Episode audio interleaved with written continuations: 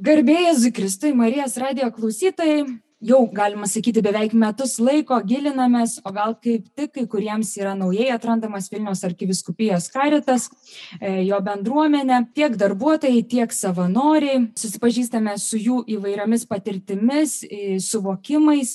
Ir šiandien turime galimybę susipažinti ir ir ir giliau pabendrauti su vilniaus arkivyskupijos karito priklausomų asmenų bendruomene aš esu. Iš tikrųjų e, jūs įtariu nematote bet tikiu, kad galima pajausti e, tą karštį, kuris tvyro ore, karštas pokalbis kartu su aš esu bendruomenės nariais.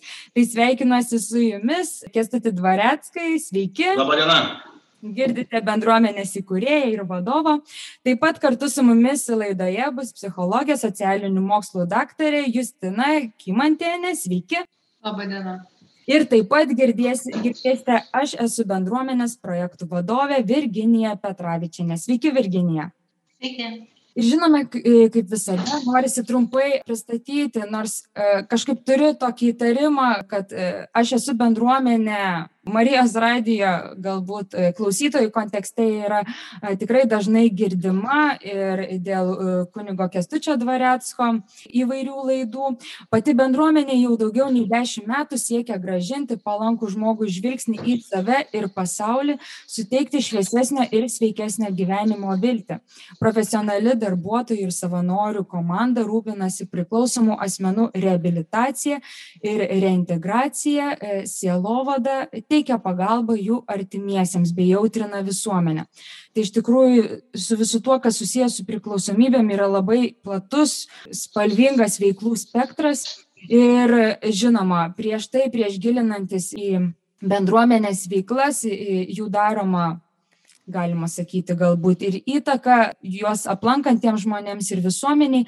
Norisi kartu truputį susipažinti ir žinoma, norisi tikriausiai ir pradėti nuo kunigo kestučio, nes ne tik atėjo, bet ir įkūrė bendruomenę. Gal galite dar pasidalinti irgi, nu, vat, kiek dar pamenate, kaip ta istorija vyko?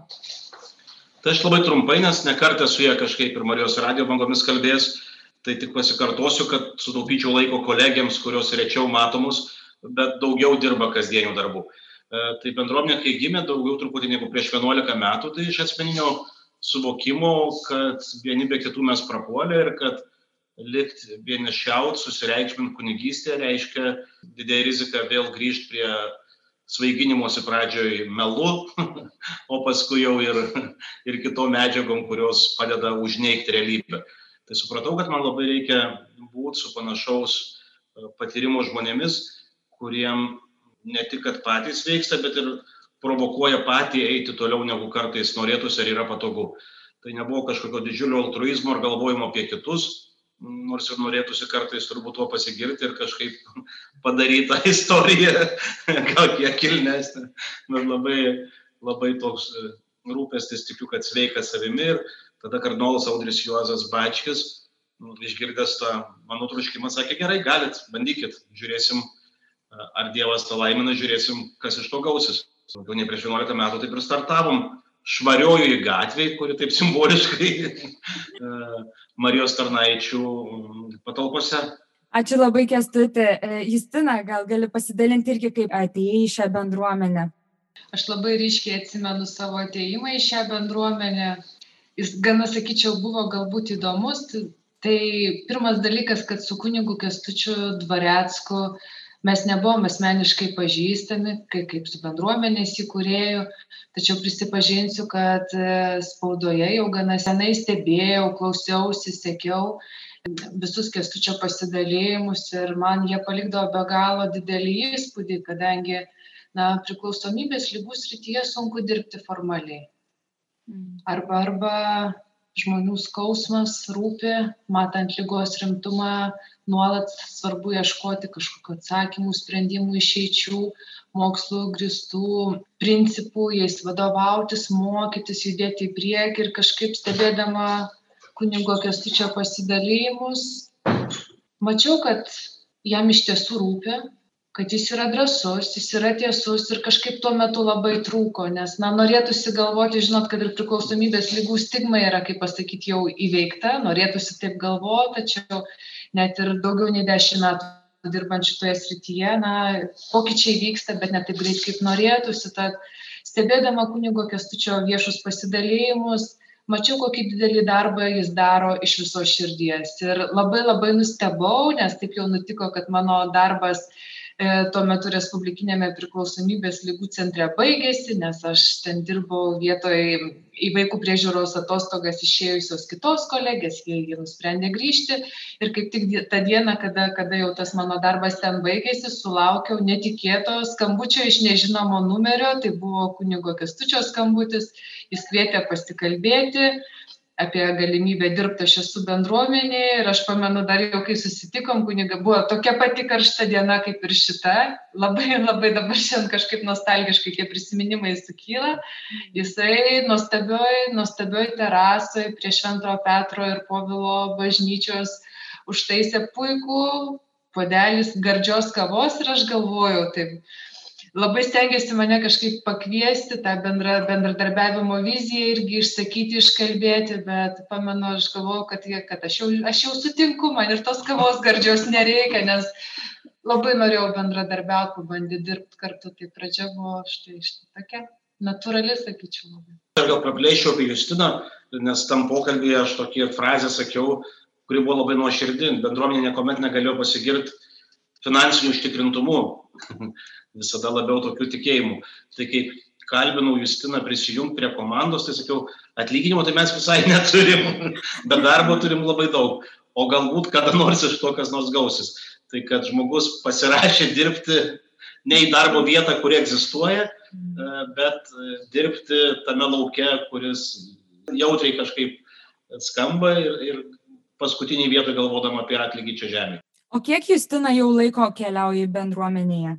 reikėtų dabar skaičiuoti, gal kestutis, galvoju apie septynerius gal metus, panašiai. Oi, na, nuostabu. Galbūt daugiau, panašiai. Iš ties labai įdomu. Kaip suprantu, Justina pradėjo nuo savanorystės ir šiuo metu darbuojasi jau užgaunam atlyginimą. Ir... Aš pertraukčiau jūs, gerbiama bičiulė, mes čia bendruomeniai visi darbuomenės ne už atlyginimą. Jeigu už atlyginimą darbuotumėmės, tai yra daug geresnių perspektyvų. Mhm. Mes kaip ir pradžioje bendruomenės ir labai būdinties tuo. Mhm. Darbuojamės ne dėl to, kad atlyginimas kažkaip mus motivuotų, nes jis nėra motivuojantis nevyriausybinės organizacijos ir didžioji dalis darbuotojų nesunkiai, jeigu dėl atlyginimo eitų kitur. Mes darbuojamės dėl to, kad matom besikreipiančių žmonių skausmo problemas ir nepaisant nemotivuojančio atlyginimo. Ačiū labai, Kestati, už papildymą. Gerai, tada tikrai jau galima e, ramiai pereiti ir prie Virginijos. Virginija, pasidalink ir savo istoriją. Aš iš karto noriu mm, pratesti Kestučio mintį, kad um, motyvai, tai, kas mane motivuoja, yra labai svarbu. Ir gyvenime būna labai skirtingi etapai. Ir aš priejau tą savo gyvenimo vietą, kai supratau, kad atlyginimas, koks jis bebūtų, manęs nemotivuoja. Ir tada atsirado toksai poreikis save realizuoti ir aš supratau, kad kitaip turiu peržiūrėti savo visą, visą elgesį ir pradėti veikti ir gyventi pagal savo vertybės. Nu, tiesiog tokia vat, buvo toks gyvenimo etapas. Ir ta diena, kai aš atėjau pirmą pokalbį į bendruomenę, aš esu irgi buvo karšta. Ir dabar man klausimas, ar man iš vidaus buvo karšta? Ar laukai irgi buvo karšta, bet labai gerai atsimenu tą pavėsinę, kur mes sėdėjom ir kalbėjom, mm, kažkaip atsimenu tą savo norą pasirodyti iš gerosios pusės, kažkaip geriau negu yra iš tikrųjų, nors tuo metu jaučiausi gana sutrikusi, nes vis tiek vertybių peržiūrimas jisai kainuoja. Nesakyčiau, kad aš turėjau daug lūkesčių, bet po, po kelių savaičių, man atrodo, Kestutis paskambino, sakė, mums reikia būdėtojo. Mano pirma mintis buvo what, antra mintis ge, ge, gera terapija karūnai.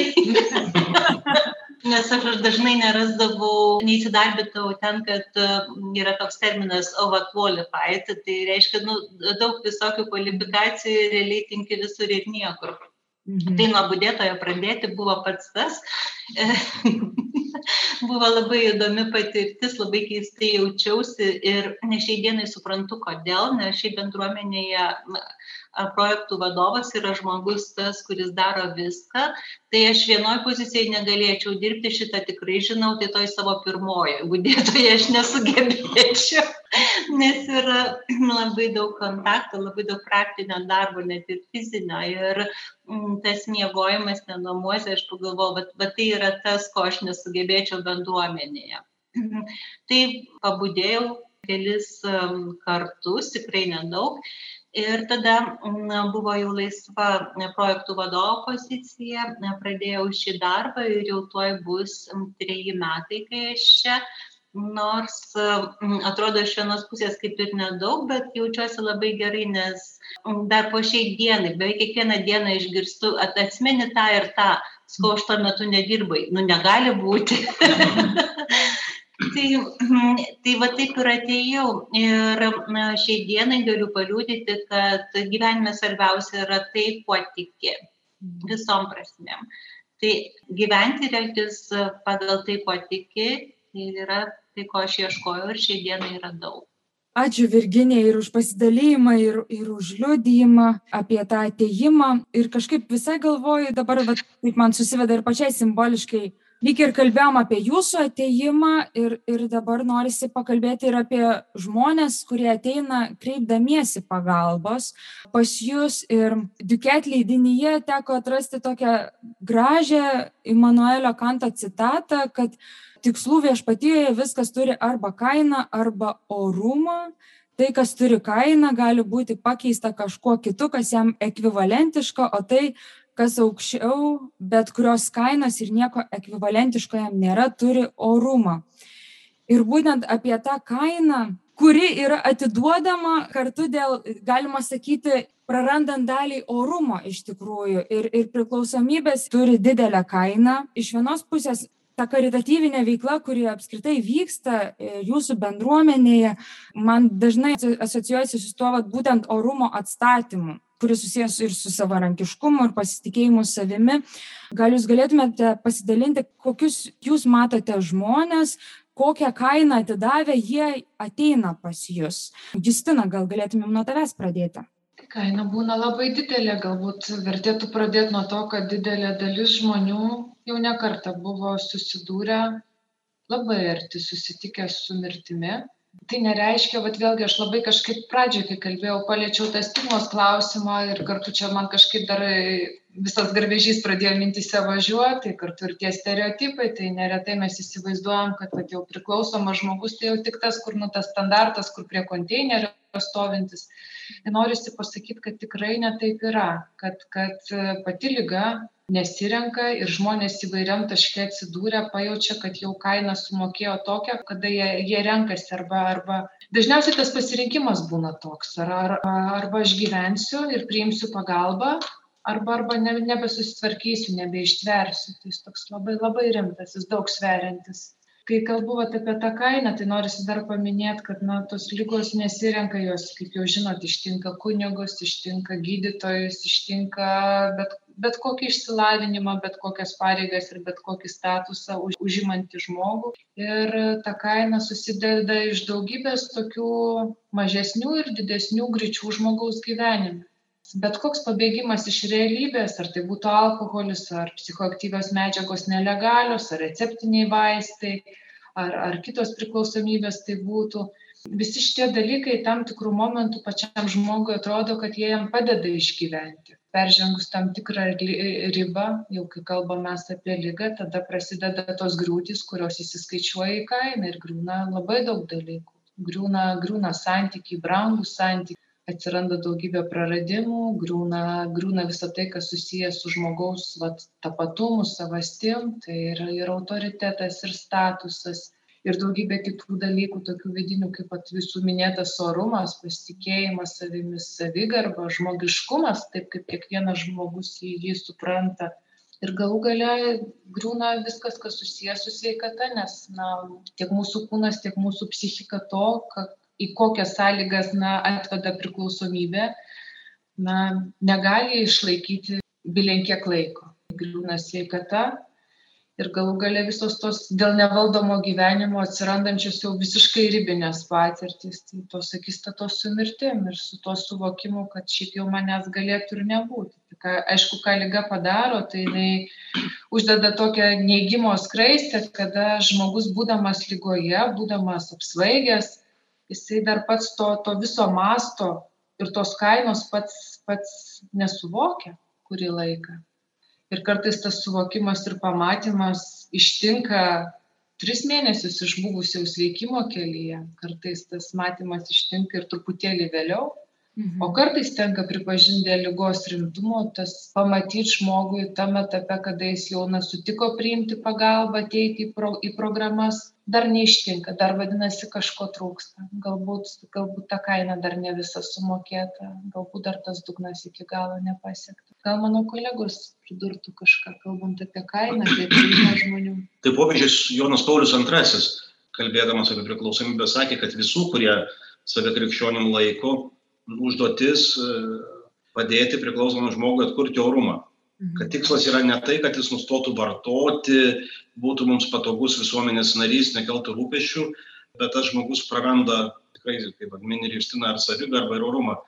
Ir kad mūsų visų reikalas nemoralizuoti jį kažkaip ten, bet sukurti ten tiek, e, nežinau, saugų santyki, kuriame jis pats galėtų atsimerkti dažnai žmonės, kai įsigasta, tai užsimerkia, nežinau, kai siaubo filmų žiūri. Aš, pavyzdžiui, pusę siaubekų matau užsimerkęs ir klausiu šalia sėdinčio, jau baigėsi tai, kas baisu. Tai man truputį primena tą priklausomybę. Ir atsimerk gali ir apsidairyti tik tada, kai saugu, kai, kai, kai ne vienas. Ir pripažinta dar tuo praradimu mastelį, nes pradžioj, jeigu vienas tą pripažintum, tai ten apie orumą kalba neina, ten tu pradėtum laikyti save viso pasaulio blogio šaknim. Ir turbūt susinaikinimo mintis imtų viršų. Tai va tas krikščionių užduotis mūsų supratimu kažkaip kurt tokį santykį, kad žmogui būtų drąsu atsimerkt, o pradžiai nedrąsiai dairytis, o paskui ir įsivardinti dalykus ir, ir dėl to nesijaust mažiau žmogumi. Mm. Kartais priešingai labiau žmogumi. Vartoti psichiką veikiančias medžiagas yra labai sunkus darbas jisai išsekina o tas žmonės tą darbą dirba dešimtmečiais kartais nuo dvylikos metų kartais nuo keturiolikos.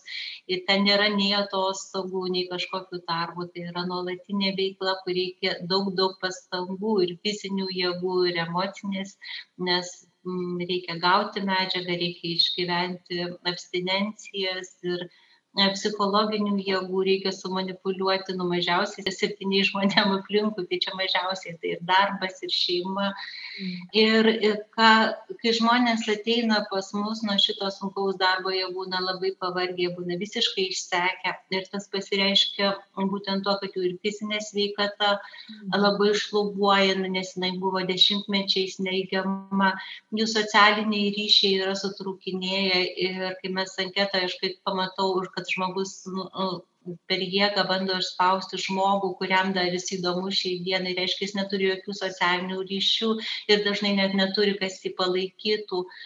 Ir pats tas, mano supratimu, sunkiausias dalykas, kad žmonės ateina savęs nekesdami.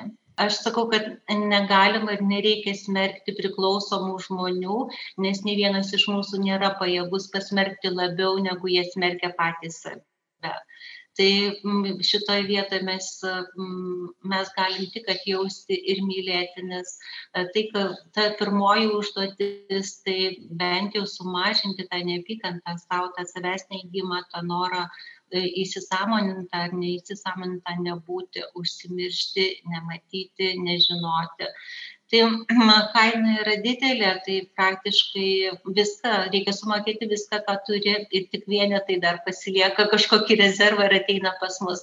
Dažniausiai pas mus ateina jau sumokėję pilną viską. Man iš vienos pusės irgi buvo atkilęs klausimas, ar žmonėms, kurie ateina pas jūs, tai jau yra, nežinau, kaip paskutinis šiaudas griebtis gyvenime. Aš gal nedrįšiau taip apibendrinti, gal norėčiau pasidžiaugti, kad daugėja žmonių, kurie ateina su nerime pirminiam konsultacijom, ko pradžioje nebūdavo. Jeigu prieš dešimt metų, tai ten daugeliu galbūt paskutinė ta valtis apsisuktų.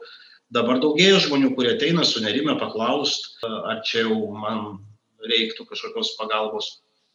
ateina daug artimųjų, kurie sunerime, su nežinia, su bejėgystė, ką čia daryti, kaip daryti, arba jau prisidarė visokių mėginimų, kurie nebūtinai labai iš širdies kyla. Tai tų žmonių labai įvairiausių ateina. Vieniem tai galbūt būna ir proga pailsėti nuo artimųjų priekaištų, galvoja, saugiai atsitrauksiu, pabūsiu, kol jie nurims ir grįšiu, tęsiu, ką pradėjau, jeigu nekritiškai nesuvokia kitiem, tai kartais būna gal nuo, nuo, nuo teisės saugos šiek tiek atsikvėpti. Pavargsta nuo to darbo, kur virginė sako, nuo, nuo vartojimo. Tai kartais motivacija nebūtinai išvariai, ten nelabai, turbūt didžioji dalis neteina ten jau su vėliava rankų ir viską susivokia ir padėkit man.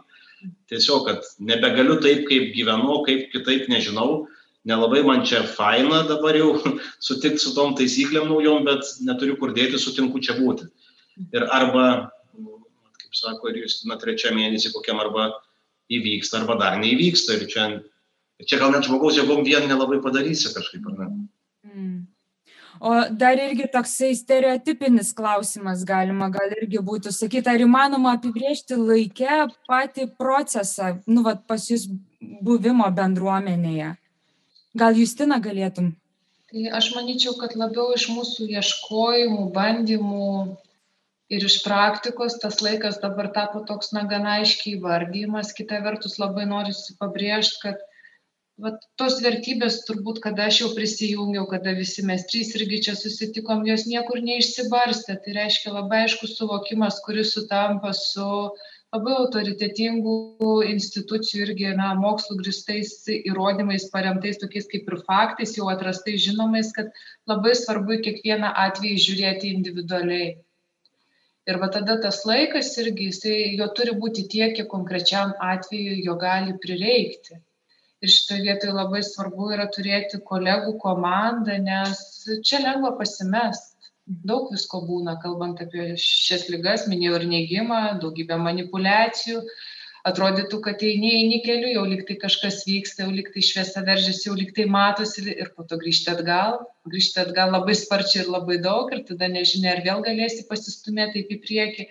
Tai turiu galvoje, kalbant apie laiką, ką iš praktikos atradom ir, ir kokią dabar vat, na tarsi tokią kaip ir schemą atspirčiai taikom bet ją kiekvieną kartą galim persvarstyti ir žiūrėt pagal pagal konkretų atvejį. Tai mes kviečiam į bendruomenę žmogų ateiti septyniem mėnesiam. Hmm. tai reikštų šeši mėnesiai yra reabilitacijos programoje kada žmogus gauna aiškias taisykles ir jo klausiam ar ar tu galėsi šitaip pusę metų gyventi ar tau bus priimtina ir ta programa yra labai intensyvi.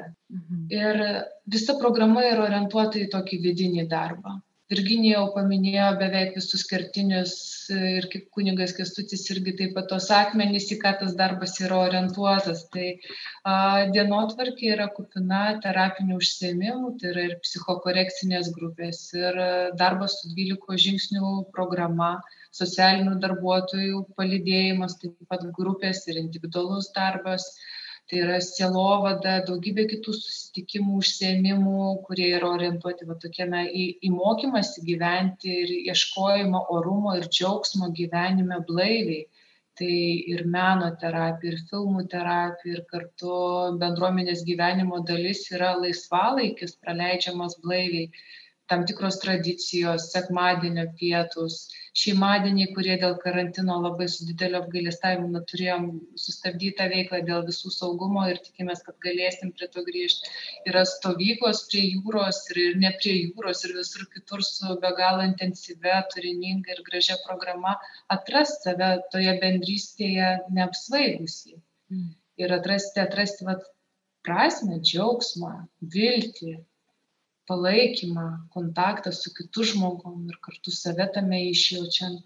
Tai septyni mėnesiai susideda, kaip minėjau, iš tų šešių mėnesių reabilitacijos programoje, kada yra aiški dienotvarkė, aiškus įsipareigojimai, aiškios taisyklės. Ir tada kvietimas yra mažiausiai bent mėnesiui likti reintegracijos programoje. O reintegracijos programa yra toksai tiltas, sakyčiau, tiltas tarp saugių bendruomenės namų ir gyvenimo realaus, iš kurio tu čia atėjai. Ir tas tiltas yra su visų specialistų pagalba, suteikiant daugiau laisvių, praktikuotis. Tai, ką sužinojai, ką supratai, ką atradai, jiem daryk pats. Bet jeigu reikia, na, vat, kad tau ta pagalba būtų arti, prieinama, ir kalbant apie reintegraciją svarbu paminėt kad vat čia čia mūsų tos laisvės yra labai nemažai nes žmogus čia galbūt virginija jau galėtų irgi pratęsti kaip su reintegracija čia jis gali gauti įvairių galimybių sau vat su ta su tom atsakomybėm ir su ta laisve praktikuotis kaip jau jam gyventi einant tuo tiltu į realų gyvenimą. Ir čia žmogus gali išbūt mėnuo tai yra tiktai startinis tas mūsų kvietimas kur mes kviečiam žmogų ateinantį įsipareigot tai gal virginija papasakos truputėlį daugiau Jeigu patikslintumėt klausimą, kur mes judam toliau, nes Justina gana gražiai pakalbėjo apie ir rehabilitacijos ir integracijos programą. Aš galvoju, kad gal visai įdomu būtų paliesti reintegraciją, nes iš tos pusės gal irgi gali būti toks susidurti su tokiu įsivaizdavimu, kad gali būti jūsų bendruomenė kaip šiltnamis. Kaip jiems grįžti į realybę, nu, vat, irgi iš vienos pusės. Kestu... Gerai, tai kadangi aš su diagnoze diagnozuotis jau beprotis, tai galiu drąsiai savo leisti kalbėti, tai mūsų visuomenė nėra baisiai sveika vieta. Kaip tik visuomenė patogi terpė sirgti, daug iškreiptų santykių, požiūrių, bendravimo būdas, kažin, ar visada labai adekvatus, net ir bažnytiniai bendruomeniai, nekalbant, bet kurioje visuomenės grupėje. Ir grįžti tą teatrą kartais ir blaiviai jame išbūt, kažin ar tampa įmanoma, ypač e, jautresnės prigimties žmonėm. E, tai bendruomenė gali būti iš dalies žiūrima kaip į kažkokią saugesnę erdvę. Ir mes pastebėjome, ir bendruomenės veiklą pradėjome nuo integracijos, ne nuo rehabilitacijos. Pradžioj pastebėjom, kad saugiose erdvėse žmonės be problemų e, gyvena, džiaugiasi gyvenimu, džiaugiasi jais artimieji, džiaugiasi visi, nes atsiskleidžia kaip jautrus, kūrybingos asmenybės, grįžę į tą mūsų alę sveiką visuomenę, taip jau kabutėse, jie labai greit, nu kažkaip krizdavo neligioj kovoj, nes jų laukdavo tik tai grobuoniški antstoliai, e, artimųjų nerimas, noras sukontroliuoti tai, kas nesukontroliuojama, e, visuomenės kažkokia paprotinė teisė ten reikalauti iš tavęs apie tave žinių daugiau negu tu pajėgus dalintis, ar ten papročiai kažkokį ten pragerdą ar atlyginimo, ar, ar būtinai rodyti pagarbą svaigalų vartojimu. Tai ir dabar tas nepasikeitė, kad iš bendruomenės žmonės grįžta į visokias darbovietės, į visokias kompanijas, kuriuose gali būti labai daug nesveikumo arba net to paties vartojimo praaiškų ir kaip tame išbūti, kaip, kaip su to būti. E, tai mes dėl ko norėjom integracijos ir labai džiaugiamės, kad po to mėnesio, kaip kur jūs ten kalba, e, mes kviečiam likti, eina į realius darbus, e, patiria realias problemas, kurias kaip kempiniukai sugėrė per dieną parsineša namo. Ir apie kurias gali būti ir kurios kartais jau parėjus ant veido matosi, kad buvo žmogui sunki diena. Ir tu klausi, ar čia prie tavęs nelyst, kurį laiką nori pabūti su tuo, ar, ar, ar galiu kalbinti, nes nu, individualu vieni norim ten. Tai kad ta integracija ne, ne tik teorija, nors ir rehabilitacija jau mes nu, vis tiek ne, ne vien teorija. Tarp asmeniniuose santykiuose vieni su kitais tokius jau, jau tas pokytis kažkoks matosi, bet integracijų dar intensyviau, kad labai realybė, realybės skausmingi klausimai, ten bendravimo su artimaisiais, važiuot, nevažiuot e, į artimųjų jubiliejus, paklust, nepaklust kažkokiem nedekvatiem artimųjų reikalavimam kartais, arba kaip daryti su savo norais, tu išeini į tą pasaulį, visi tavo bendramžiai kažkokiais pasiekimais džiaugiasi, pilnas Facebookas puikuojasi, o tu nelabai turi kuo puikuotis, tai kartai susisuka ir ant darboholizmo, kad nori labai daug dirbti e, ir pigiai parduoti tai, ką užgyveno į tuos, va, kaip minėjai, tam toj citatui, pakeičiamus dalykus, nepakeičiamus. Tai, tai integracija toks ilgesnis procesas ir man atrodo, jis gal net kaip nemažiau svarbus, tai bent jau tikrai. Virginija. Aš galiu papildyti tai, kad kas kas bandė tai tikrai žino kad sugriauti yra greičiau negu pastatyti. Vis tiek net ir tuos daugiaaukščius greičiau mes sugriaunam negu juos pastatom. O čia žmonės kurie dalyvavo toj programoj jie savo gyvenimą gro griovė dešimtmečiais. Tai tikėtis kad jie atstatys taip per mėnesį nu, jau čia mažų mažiausiai naivu, tam reikia metų. Kaip ir Kestutis sakė, visuomenė yra visokia, žmonės elgesi visaip. Ir ką turi išmokti priklausomas asmuo, kad, nu, ką aš ir sakau, visiškai nesvarbu, kaip elgesi kiti, svarbu tik tai, kaip elgesi tu pats. Bet jeigu noriu, aš pati, jeigu noriu gyventi pagal šitą, šį, šį pastolatą, mano savivertė turi būti aukšta. Tai tiesiog save vertinti, save būti oriam ir visą laiką savo priminti, kad svarbu, kaip šitoj situacijai elgiuosi aš. Kiti gali daryti, ką nori. Ir jie daro, ką nori. Tai tiesiog išlikti. Ir stebėti save, refleksiją, savirefleksiją, tai čia ne vieno žmogaus reikalas, tam reikalingi kiti žmonės. Ir todėl labai, saugu, labai gerai, kad jie grįžta į bendruomenę ir gali aptarti tai, ką jie patyrė tai tada išsisklaido, nes nu, nėra tokios situacijos ir tokios bėdos, kuria pasidalinus jinai nesumažėja reikėtų. Visko, ką dalinėsi, tom blogom patirtim, įspūdžiais, emocijom, jos nuslėksta, nuslūksta ir tai padeda išlikti. Tos krizės yra rimtos ir mm, reintegracija yra labai svarbus dalykas ir čia su jokių šiltnamiu. Nu, nebent dabar tai šiltnamis būtų džiauriai karšta. dabar tiktų. Dabar, kai būtų šiandien šiltnami, tai yra reintegracija. Ačiū, Virginija. Man dar kaip tik jūsų pasidalymų toks buvo kilęs irgi klausimas, kiek apskritai jūsų veikloje yra maždaug, nežinau, ar galima kažkaip bent jau procentaliai ar dalimis suprasti, kiek vyksta individualaus darbo ir bendruomeninio darbo. Gal labai sunku būtų taip žinoti į kažkokius skaičius ar procentus įdėti, nes aš manau, kad aš gal pasidalinsiu tokiu pavyzdžiu. Taip jau nutiko kad mano užsiėmimas trečiadienį ir atrodytų gal ne visai vietoj savaitės viduryje apibendrinti gyvenimo savaitę bendruomenėje bet visąlaik trečiadieniais kviečiu grupės dalyvius pasižiūrėt labai labai atidžiai į visą savaitę kurią į kiekvieną taip savaitę žiūrim trečiadieniais kurią nugyveno ir paprašau išsirinkt vieną dalyką kurį jie norėtų įsiminti išsaugoti branginti prisiminti tada vat kai kai jau sveiks na toliau eis į gyvenimą turiu galvoj. Kas jiem buvo svarbiausia vat per visą savaitę dėl jų sveikimo? Ir paprastai vat iš to matau kad labai svarbus yra ir grupinis darbas nes neretai būna tarp tų pasidalijimų tokios įžvalgos į to ką santykis tiek pačiose grupėse tiek užsiėmimų metu tiek tiek neformalaus laiko metu tiek bendrystėje būnant ir vykdant įvairias bendruomenės na veiklas kartu ar ar tai būtų ar tam tikros ar ar pramogos ar atsakomybės nes namais rūpinasi bendruomenė jos nariai šiuos šiuos šiuos namus prižiūri. Tai tai dažnai būna va tie dalykai iš iš iš santykių iš bendrystės iš iš konkretaus jau darbo grupių bet kartu tame būna ir dalykai iš labai intensyvaus vidinio žmogaus gyvenimo kuris neapsibrėžia tam tikrų vat individualių užduočių atlikimu. Tai vyksta nuolat. Tai vyksta nuolat vyksta tyloje nepriklausomai nuo to kas vyksta žmogaus gyvenime ir jo santykiuose su jam brangiais asmenimis už bendruomenės sienų. Tai manyčiau kad vat tas gyvenimas bendruomenėj jis iš tiesų jeigu žmogus leidžiasi šitą kelionę taip kaip jis gali skirtingais savo sveikimo etapais procesas vyksta nuolat.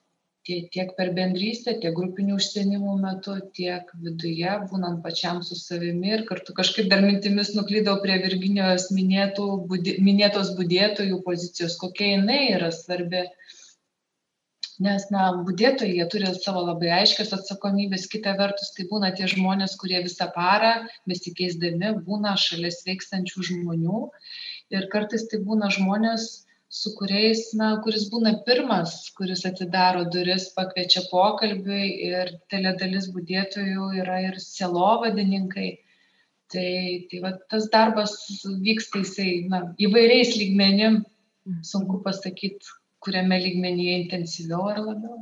Aš nežinau gal vat kur justinas kalba irgi kad to individualaus požiūrio. Nu jeigu žmogus pradžioj sveikimo ir negali vie viešai grupėse kalbėt apie dalykus ir kažką pergyvena ar išgyvena tai e, turbūt gauna daugiau konsultacijų per vieną dieną negu kitas per savaitę.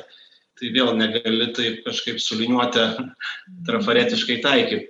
Kitas kuris puikiai dirba grupėj jau gali puikiai dirbti grupėj ir padėt visai grupei tai jis daug dalykų sprendžia ten Ir turbūt ta ir yra svajonė, kad žmogus ilgainiui tai, ką, ką kalba kaip didžiausias paslaptis individualių konsultacijų metu, galėtų kažkaip drąsiau apie tai prabilti, nes dažnai būna ir tokio, nu, kaip turbūt sureikšminimo, nes man būna kartais tokių nustebimų, kai žmonės sako, pasakysiu tai, kam ko niekad gyvenime nesusakęs, ir tu jų įtempi ausis ir širdį galvoji, čia kažkas tokio labai jau intimaus ir sunkaus ir net nesupranti, ta prasme, kad jau pasakė ir kas ten tokio ar gėdingo, ar sunkaus, bet žmogų tas pasirodo slekia e, jau ne vienus metus. Ir tada tas bendrumas, kad nu, toj grupiniai terapijai, kad jis tu drąsiau pripažįsti, nes girdi kitą apie tai kalbant.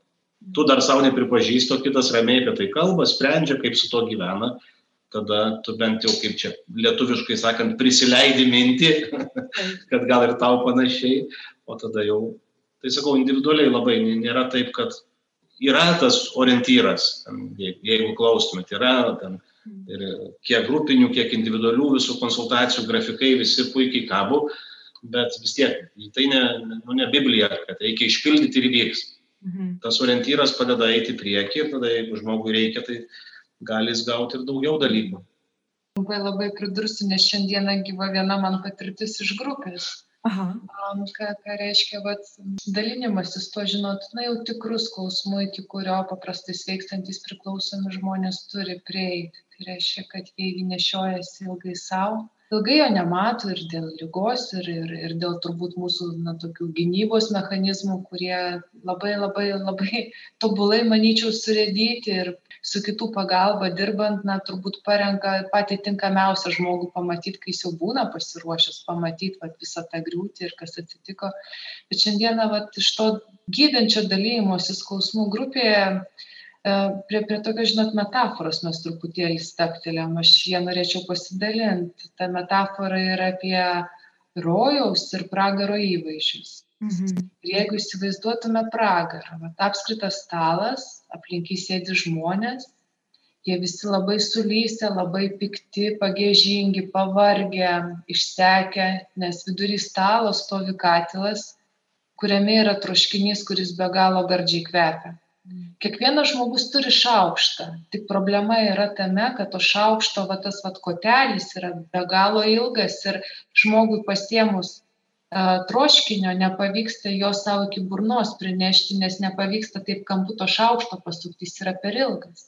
Tinys yra toks, kad tai vėlgi tas pats stalas, tas pats nuostabus troškinys, sėdė aplink stalą žmonės, jie visi yra sotus, laimingi, atsipalaidavę, džiugus šaukštus turi jie tuos pačius su tuo ilgu labai koteliu bet jie išmoko vieną dalyką.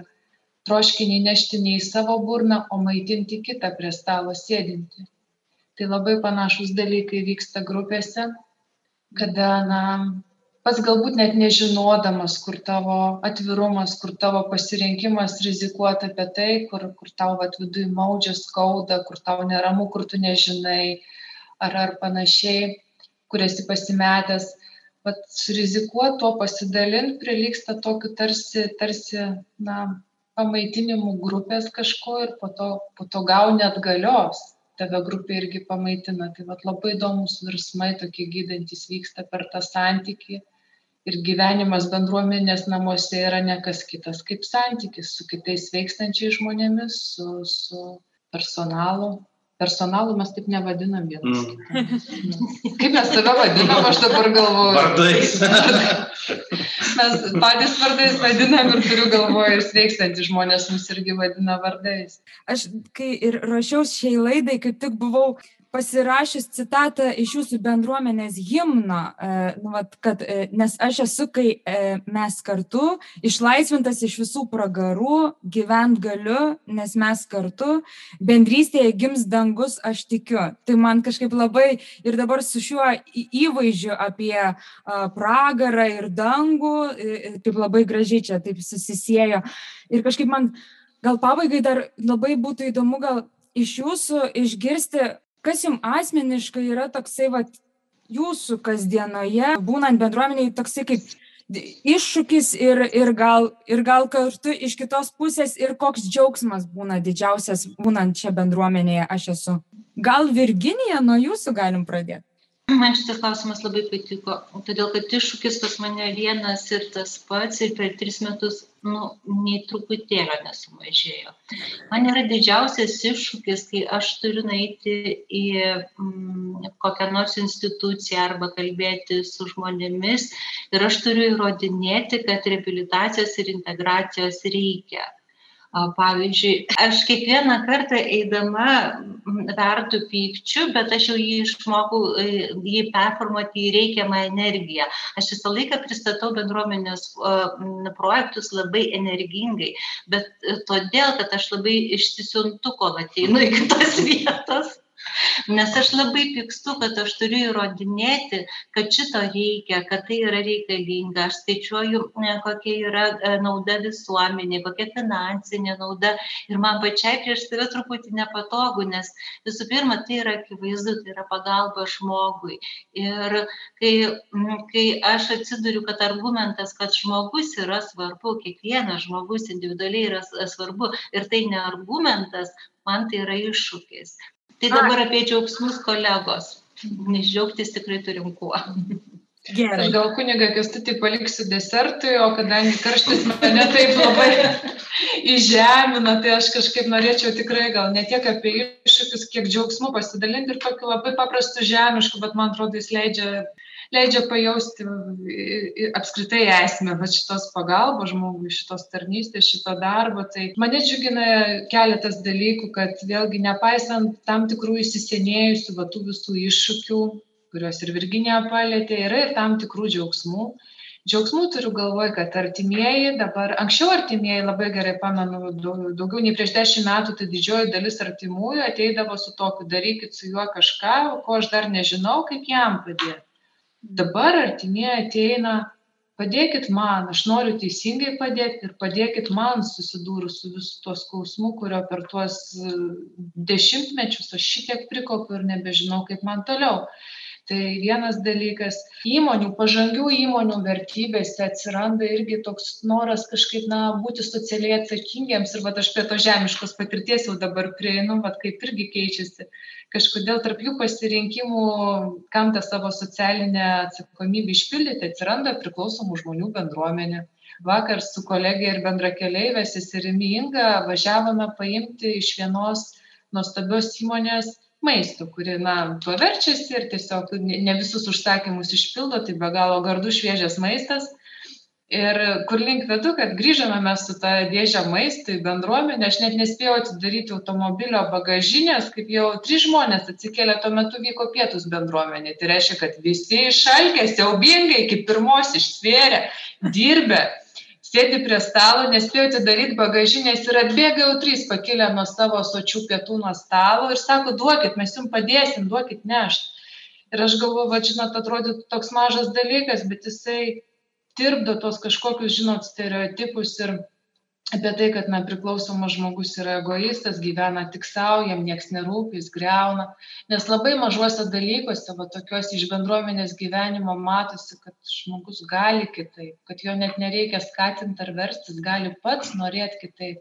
Jis gali rinktis pažeidžiamumą savo santykyje su kitu. Tai vat kažkaip mano žinot džiaugsmas apie tai kad įmanoma įmanomi labai realūs pokyčiai įmanomas sveikimas ir įmanomas kitoks žmogaus grįžimas ir į santykį su savim, į gyvenimą ir į santykį su kitais, kurie jo laukia. Ir desertas. O desertui tai turbūt suprantat, kad vat, kai išgirsta tokias kolegas, tai kokis džiaugsmas ir laimė priklausyti šitam kolektyvui ir, ir saugumas visom prasmėm, ne tik, ne tik darbe, bet ir gyvenime. Vis dėlto didžiausias iššūkis ir džiaugsmas žmogus, kuris šalia. Ačiū labai visiems už tokius e, nuoširdžius ir, ir dangiškus, ir žemiškus pasidalymus. Gal jau pabaigų pabaigai, galvoju, gal jūs turite nu, vat, kažkokių. Mes labiausiai tai vat, kažkaip e, norisi padrasinti artimuosius. E, nekentėti tyliai, negalvot, kad praeis savaime, nekaltinti savęs kaip kažko, kas nesugeba čia vat, sutvarkyti vyro, žmonos ar vaiko o jungtis į grupės. Tai mūsų psichologijas tikrai e, pasiryžę, kiekvieną pirmąjį vyksta grupė artimiesiams, šiuo metu per nuotolį, viena vertus šiek tiek praradimų gal yra dėl to nuotolio, kita vertus prieinamumas daug geresnis ir visi turbūt turi kur ten iš lauko bent jau pasijungti su telefonu ir, ir matyti, kad aš ne vienas ir kad išeitis yra. Tai čia labiausiai norėtųsi tada, aišku, pamėgti mūsų mm, himną ir įgėdoti, tikiuosi, kad ir laidą užbaigsit šio himnu ir žiūrėti, kada jau paskelbsim, kad atsiveriam šeimadieniam. Dar dabar labai svarstom, kaip pasielgti atsakingai. Yra viena yra nuo ko mes norim kita, kad tai būtų sveika ir adekvatu, ne, ne vien ant ilgesio. Tai absolventų šventę tikrai turėsim jau greitai, nes jau to reikia ir absolventai mus spaudžia ir, ir gyventojams pamatyti, kaip atrodo žmonės po 5-10 metų laivybės. Tai yra geriausi įkvėpimai. O tada jau galbūt ir atvira kažką visuomeniai, jeigu karščiai truputį paliaus, gal galėsim kiemę susitikti. Ačiū labai visiems už pokalbį. Dar trumpai priminsiu, kad jeigu ieškotumėte kokiu nors kontaktų bendruomenės, visą laiką galite rasti juos internetinėme puslapyje. Aš esu bendruomenė.com LT. Ir tada, žinoma, mėlyjei Marijos radio klausytojai, su džiaugsmu ir dėkingumu atsisveikinam kartu e, su šiandien e, girdėtais aš esu bendruomenės komandos nariais. Tai labai dėkoju e, kunigui Kestučiui Dvareckui, psichologijai, socialinių mokslų daktariai Justinai Kimantieniai bei bendruomenės projektų vadoviai Virginijai Petravičianiai. Gražaus vakaro, brangieji. Sudė.